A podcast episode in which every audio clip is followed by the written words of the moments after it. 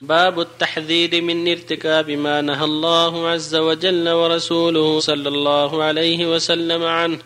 قال الله تعالى فليحذر الذين يخالفون عن أمره أن تصيبهم فتنة أو يصيبهم عذاب أليم.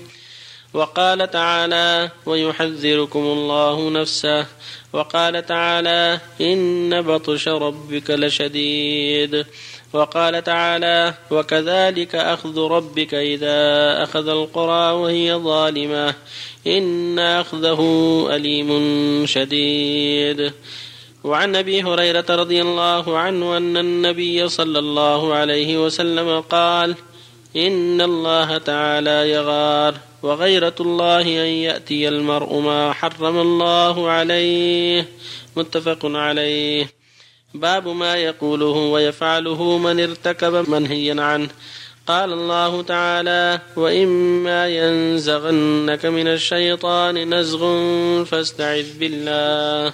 وقال تعالى إن الذين اتقوا إذا مسهم طائف من الشيطان تذكروا فإذا هم مبصرون.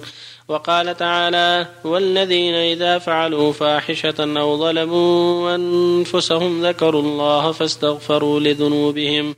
ومن يغفر الذنوب إلا الله ولم يصروا على ما فعلوا وهم يعلمون أولئك جزاؤهم مغفرة من ربهم وجنات تجري من تحتها الأنهار خالدين فيها ونعم أجر العاملين وقال تعالى وتوبوا إلى الله جميعا أيها المؤمنون لعلكم تفلحون وعن أبي هريرة رضي الله عنه عن النبي صلى الله عليه وسلم قال من حلف فقال في حلفه باللات والعزى فليقل لا إله إلا الله ومن قال لصاحبه تعال اقامرك فليتصدق. متفق عليه.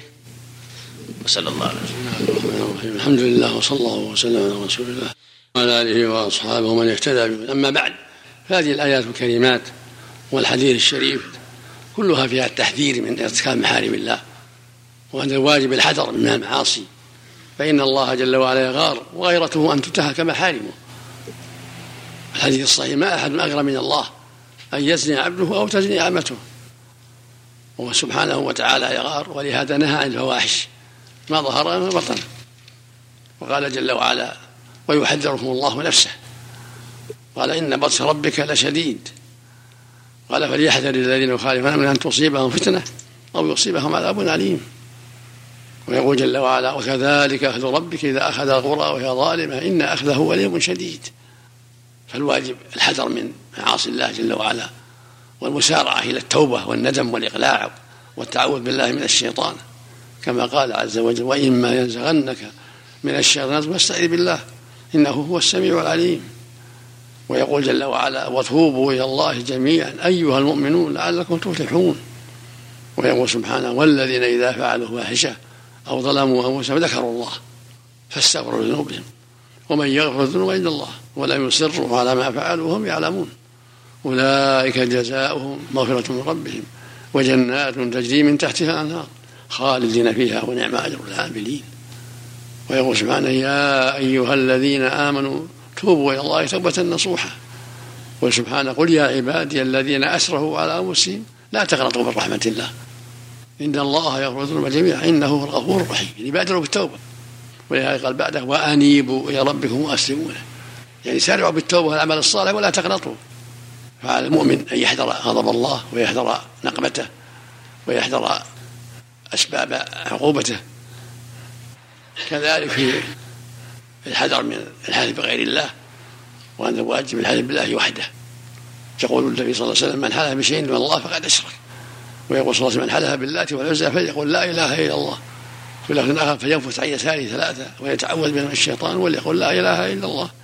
لأن الحلف بغير الله شرك ودواء الشرك التوحيد والإخلاص لله جل وعلا.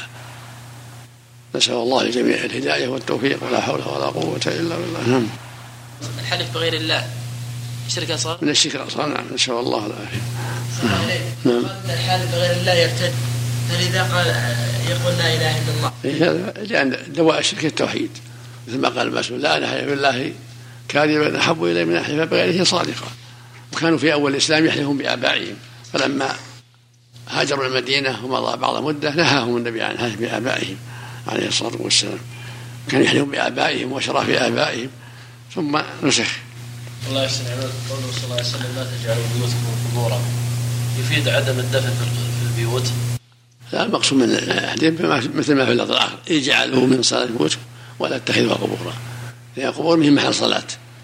بل اجعلوا من صلاة بيوتكم ولا تتخذوها قبورا. القبور لا يصلى عندها لأن الصلاة عندها وسيلة للشرك. الصلاة محلها المساجد والبيوت. أما القبور لا المقابر هي محل الصلاة. محل الدعاء لهم الزيارة والدعاء لهم. الدفن في البيوت أحسن. لا ما ما ينبغي. الدفن في المقابر في الصحراء كما فعل النبي صلى الله عليه وسلم في المدينة كان يدخلون في البقيع أو غير البقيع. أحسن عليك. يشكل عليه دفن عمر هذا النبي صلى الله عليه وسلم خافوا عليه من الغلو اذا برز ودفنوا مع الصاحبين رضي الله عنهما. خوف الغلو فيهم. من يقول بالله والعزى انت طالق يقع الطلاق؟ من يقول أنت بالله بالله والعزى انت طالق يقع بقولها انت طالق وعليه التوبة من اليمين.